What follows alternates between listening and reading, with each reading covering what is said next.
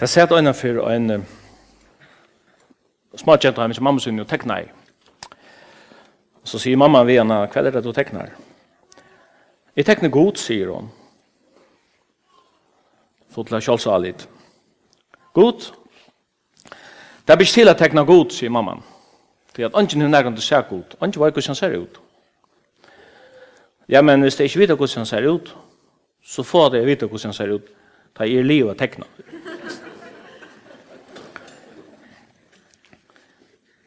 Det er ikke alltid at kjølsaler er proporsjonalt i bonaskap. Men alt annet så var nøyla fitt. Jeg skal ta oss om, om halkan til god, og komme seg inn på uh, gods egenløygar. Og da jeg minner om hatt av evne, så skal det beina en vikenga til at, som det stender i skriftene, at vi kjenner bare i bråton. Og vi vidar bare i bråton. Det merker at Ongen kan kjenne døptenar og gode utan antigods. Du kan jeg heller ikke kjenne døptenar og god. Jeg kan bare ta oss om negrar lytla brådparster av tog ikke det som jeg kunne huksa meg til, men det som jeg trygg for at, at Guds anti hever åpenbæra. Evne i røstning til halgan til god, og vi får komme sent inn på hva er året halgan, hva merker år over heilaver.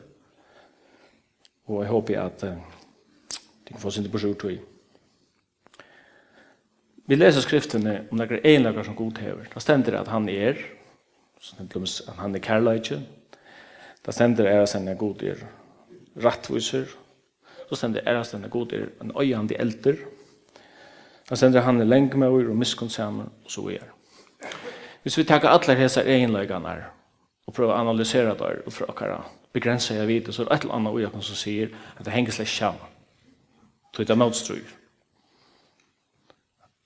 Tingene tingene ströj mot kvar nu.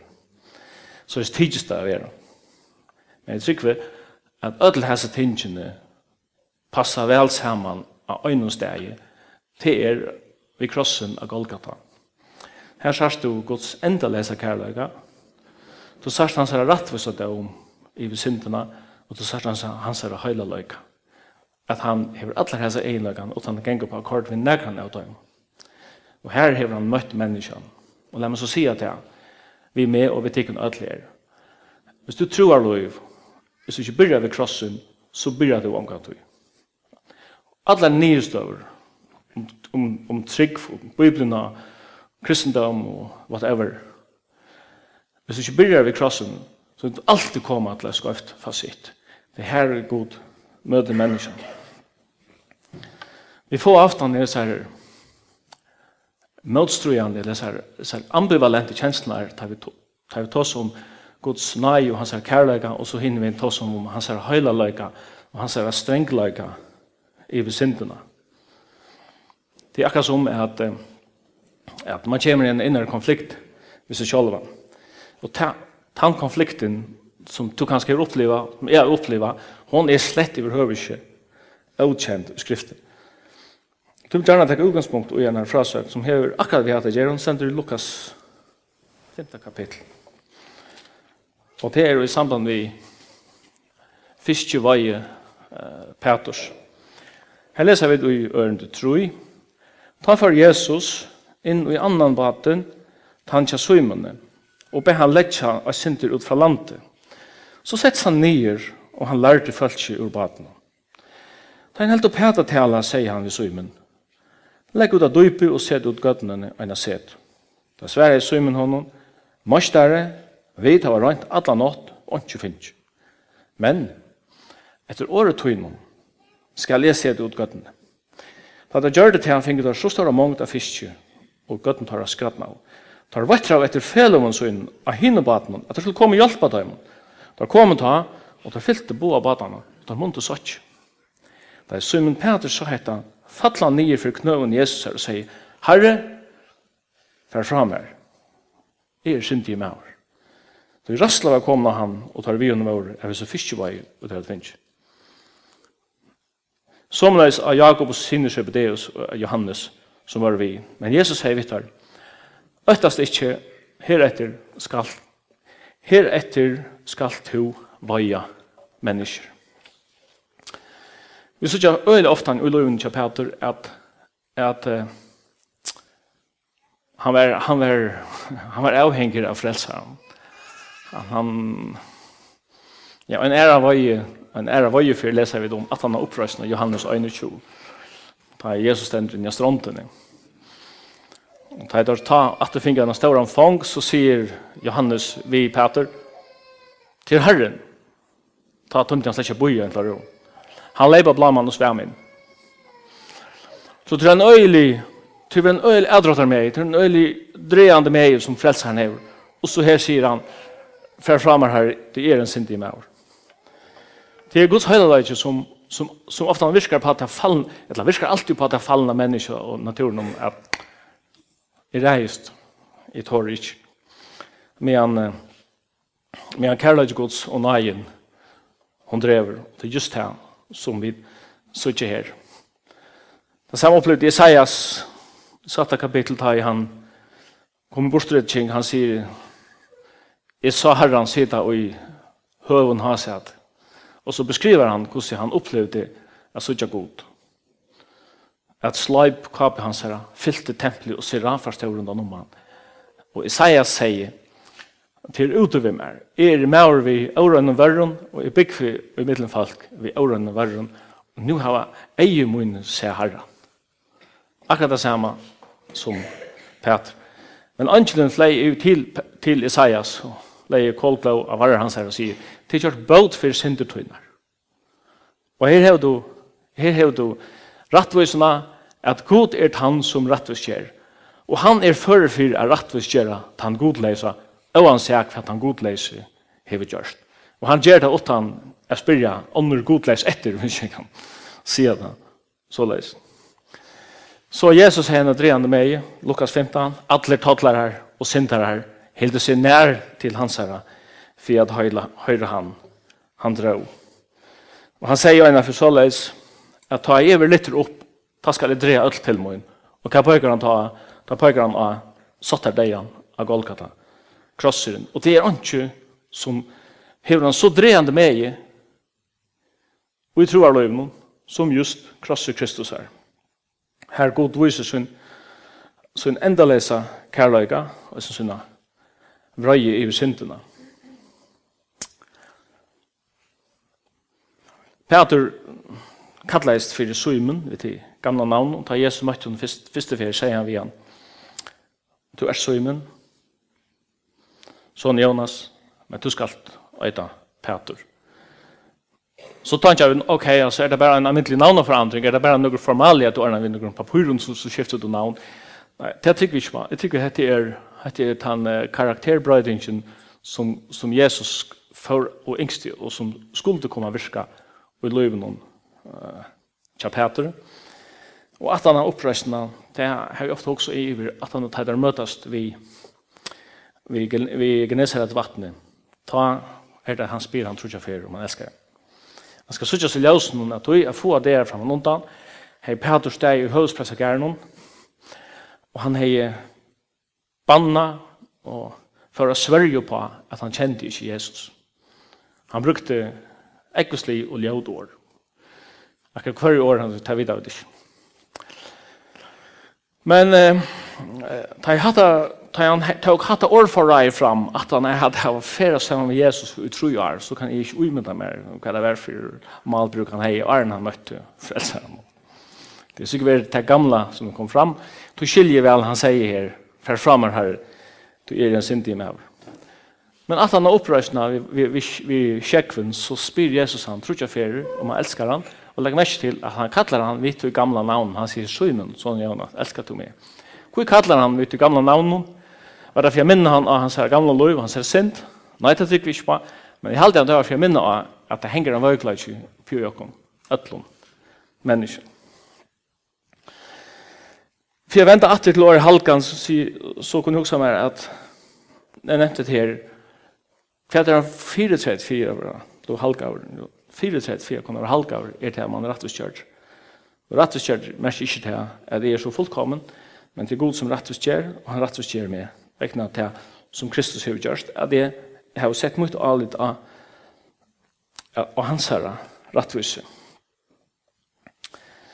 Halkan til god merker oss at, at man stiller seg til disposisjon og til taks.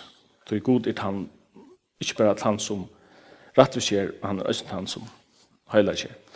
Det stender at støvnet etter fri vi ødel og etter heiliggjering. Utan henne skal andre sutja god. Hva er heilagt? Hva dømi har vi om nega som er heilagt for skriften? Sjålan de menneskene, vi leser om heila mennesker, det er heila av oss som skulle røyse opp, Men vi leser om heilige Luther, vi leser om hus som er heilige, halvdjudommer, vi leser om deer som god halka i, han halka i sabbaten, så vi er. Vi leser om institusjon, til å si at han halkar tjonarbante, og så vi er.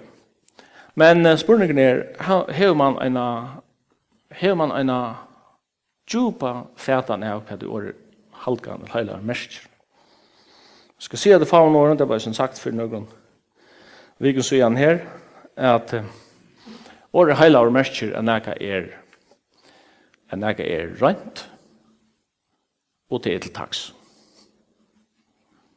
At han loder heila og merker at han er tøker, ta og man skal bruke han, og at han er røyner.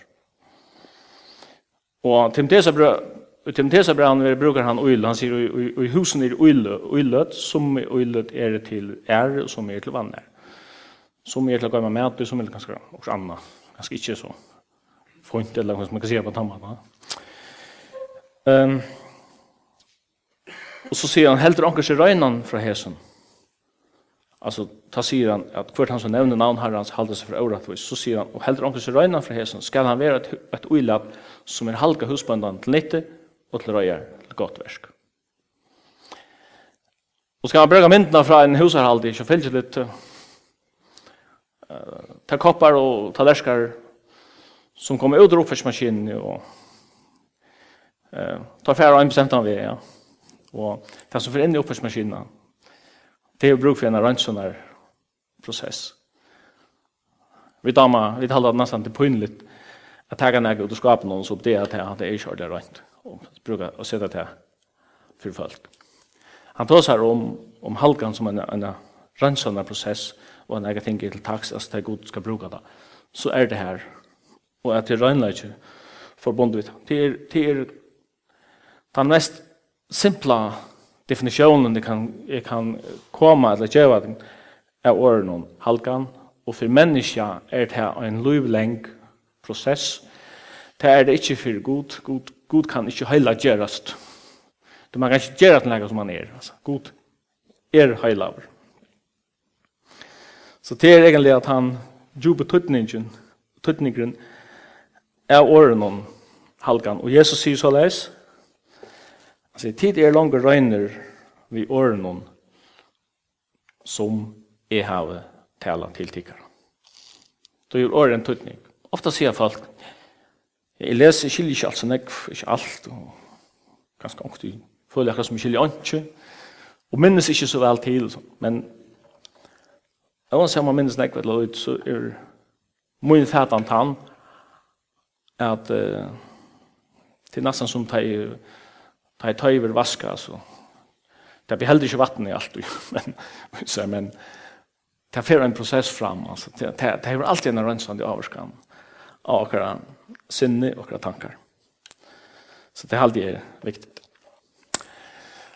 Så jeg har nevnt det her vi, vi halkan og goder heila vår tensen. Egen løyge han hever, men goder nøyrøyker og miskonsamer og goder rettviser, og som nevnte, tingene vera samleie i Golgata.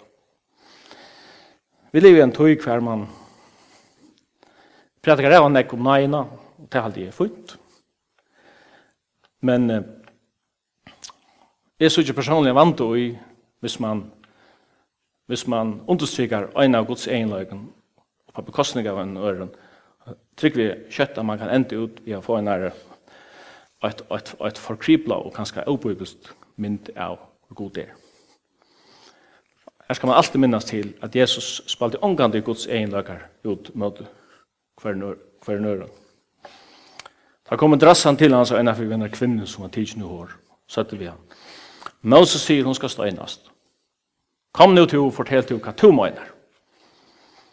Og det er et dilemma. Skal han si at ja, Moses, han skal ikke takke så tungt. Det sier han ikke. Han var ikke kommet for å sitte, som han sier, til å ikke kjøre lovene. Da sitter han i eh, til å ikke kjøre lovene bøkstav. Men det er en for så, at skal lovarenar straff førast ut i livet, så må anker gjøre det. Og hvor skal uten at jeg arbeid? Så han, at han har avhaltende spurningar, så sier han vi tar skriftlar til fariseren som står her. Tanna tikkum, som er syndafrøyer, han kan sleppa ta den første støynen og tveit av. blir sena fullstendig brøyt. Akherren er knappt kommet og Akherren bunchen. Han som det akherren bunchen fram undan, hun er om ikke flott ut ur rattarhøren, så gussus er flott lengt ut om sugelengene, og fokus er fullkomlig vekk av henne. Og den eneste som kunde, som har mandat til å ta en stein opp og tveita, det var frelseren selv. Men han gjør det ikke. Og så færre der sted, og en fyr og andre etter. Tar eldst til fyrst, og så hinner, og han stod ensam alle etter. Så sier han vi henne, Var det ikke som dømte det? Nei, jeg sier ikke. Heldig ikke jeg. Heldig ikke jeg dømte det. Og her har vi nøyene. Så tar jeg handan mynden, han tar handan søvann vi trenger fram, ofte han ugen er, ofte han ugen noen sekulære og som er til en humanistisk sammenheng, så glemmer man hos de sørste årene som Jesus sier, vi henne. Han sier, færre sted og synd ikke langer. Her kommer Guds heilaløg inn. Minst til, du har vi en heilig en god å gjøre færre sted og synd ikke langer. Han kunde seta nøyina i perspektiv utan at gengur på akkord vi Guds heilalag. Og minst en maur sier vi med, en, en eldre med som lengst kjenn i flotter inn i tar, tar bedre bostad enn fire, han sier det vi med fire enn 30 år, så ja. Han sier at, og til en som heir, som jeg betrakter har stor andalig dømekraft, han sier, Det ber til å understryka en andelig sannlegga som er at det blir til en likn. Det er alt ekvislig sagt. Men åren omgang det færre fram her, det blir hengande, og jeg minnes det er. Og selv om det setter på spørsmålene, så, så kan skal suttjes i løsene som danskene ofte sier, over, overdrivelse fremmer forståelse. Hva mener man vi? Jo, leverer vi at spela Guds egenlager ut i møte hver nøyre. Det er Guds høy som skriften lærer at han er. Han er egenløygar. Han er heilaver, han er rettviser. Og han er fotler i miskom. Jeg levde i negvar og i tog trygg at som er er rett, at rettviser kan jeg ikke oppnå av sjolver, det kan Kristus gjøre fyrir meg. Men så helt i sjolver at at hetta vi halkan til noe som jeg må kjempe og strøyes vi sjølver for å kunne klare. Jeg vet ikke om det er noe jeg har opplevd det her, at du kan ha lys i skriftene i jøkkenen, lys i en kapittel ofte i jøkkenen, og så knappelig, ja. Det er omgang i hent for, så, så eksploderer et vers. Det er for, så stender vi, vi, vi ljøsskrift for der, og du sier noe som du aldri luven hos her for. Og så tenker man, Hva spør til jeg vil huset her? Washman han forteller i bøkken The Normal Christian Life om at her vi, vi at da det kom til sint, han heier så øyelig anfekkelser og strøyast og vinna av syndene og så videre. videre. En til øyne for at han leser rombravet, her det stender, så leis døye vid fra syndene, og så det er han til. Synden er en kraft, men hun er unga makt i en deg person. Og det stender her at jeg er deg, Og så sendte jeg at du skulle drakna deg som deg. Han var stadig på en kjip. Så han leip opp på stålen og rann ned, så han kokker vid noen grytun der. Han tok i kvarsen, gav han en sving om meg og sier, «Hva stod jeg var der deier?» Og kokken helt ivast i svig, jeg mener han var, var, var fullkomlig gynnt fra viten og så. Da skriver han om i bøtjen The Normal Christian Life.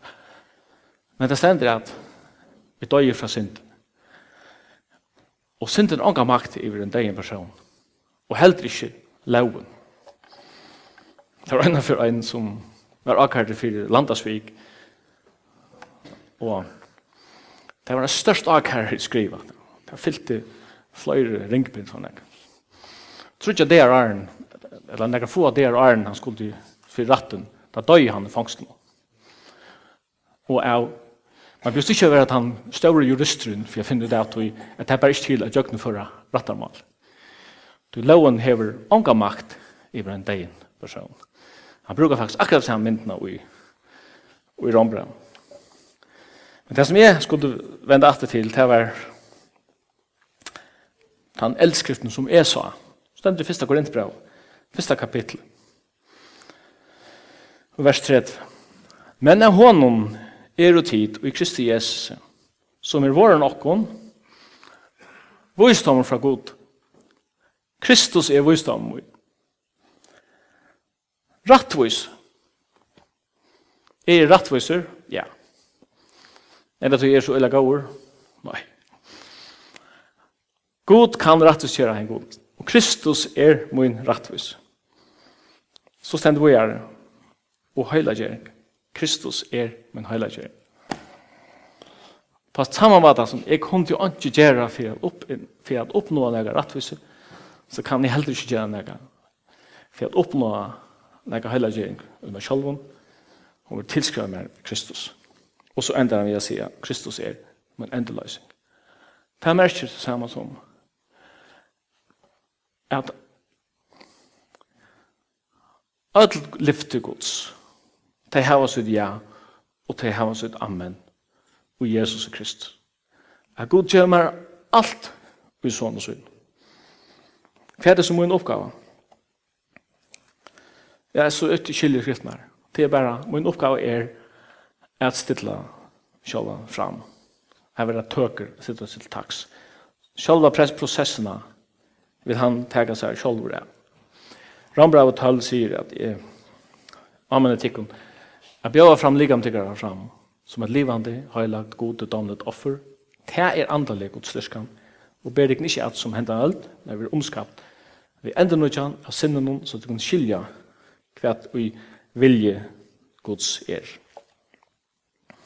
Det er god som halkar, og ikke min sterkje, eller hva ikke vilje, eller mine evner.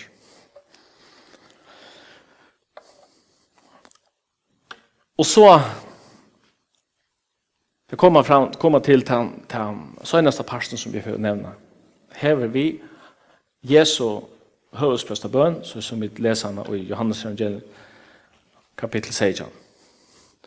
Hon ligger i och innan som vi hørte om og Janne og løyingarnar. I mittlen kvällmåltiden og løyingarnar er uh, hentan her bønnen som Jesus byr Arnhan fer til Gethsemane. Og hvis du betraktar Bibelen som en halvdom, det hadde vi kan rolig å si, vi betraktar som halvdom, så virker det for meg som at Johannes evangelium kapittel 16, det er halvdomeren ui halvdom. Det er nesten det, det er som å komme inn ui til aller høyligast. Her sitter lærer så en annen, at han har kvöldmåltina, at han har Jesus, fem rundt til vaskadaimen og føttene, og han, han endar hesa, han endar hesa samkomme vi en er bøn. Og hva en bøn han byr her. Les han i tjøkkenen nok du. Jeg prøver å lese han, lese han sakta i tjøkkenen. Vi kan du først brosjure seg. Det tror tre ting han byr for her. Det første byr han for seg selv.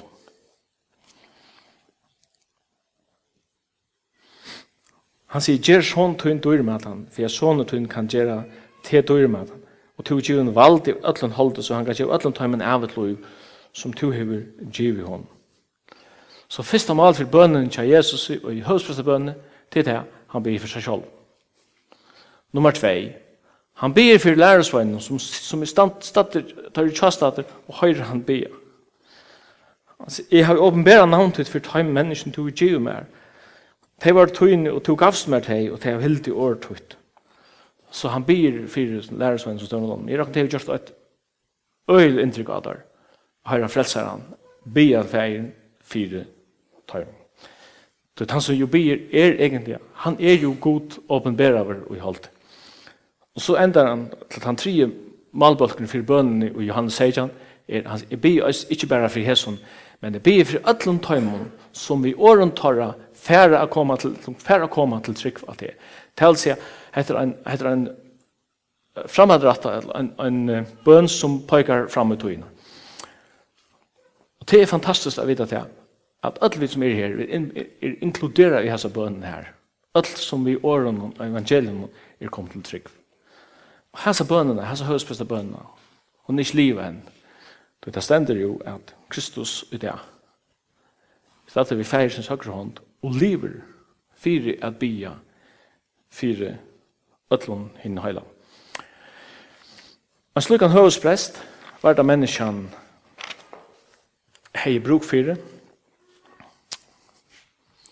en som er fullkommen og ikke hei bruk fire a få ransan fyrir sina egne sinter, det er det eneste menneska som ikke ikke her gjør som kunne hitja sin medmenneske egin og sier, hver av tikkun kan poika av negra sinter kjammer. Det kunne jo ønsken. Det er slik en frelsere som vi døyer. Og han byr for dere.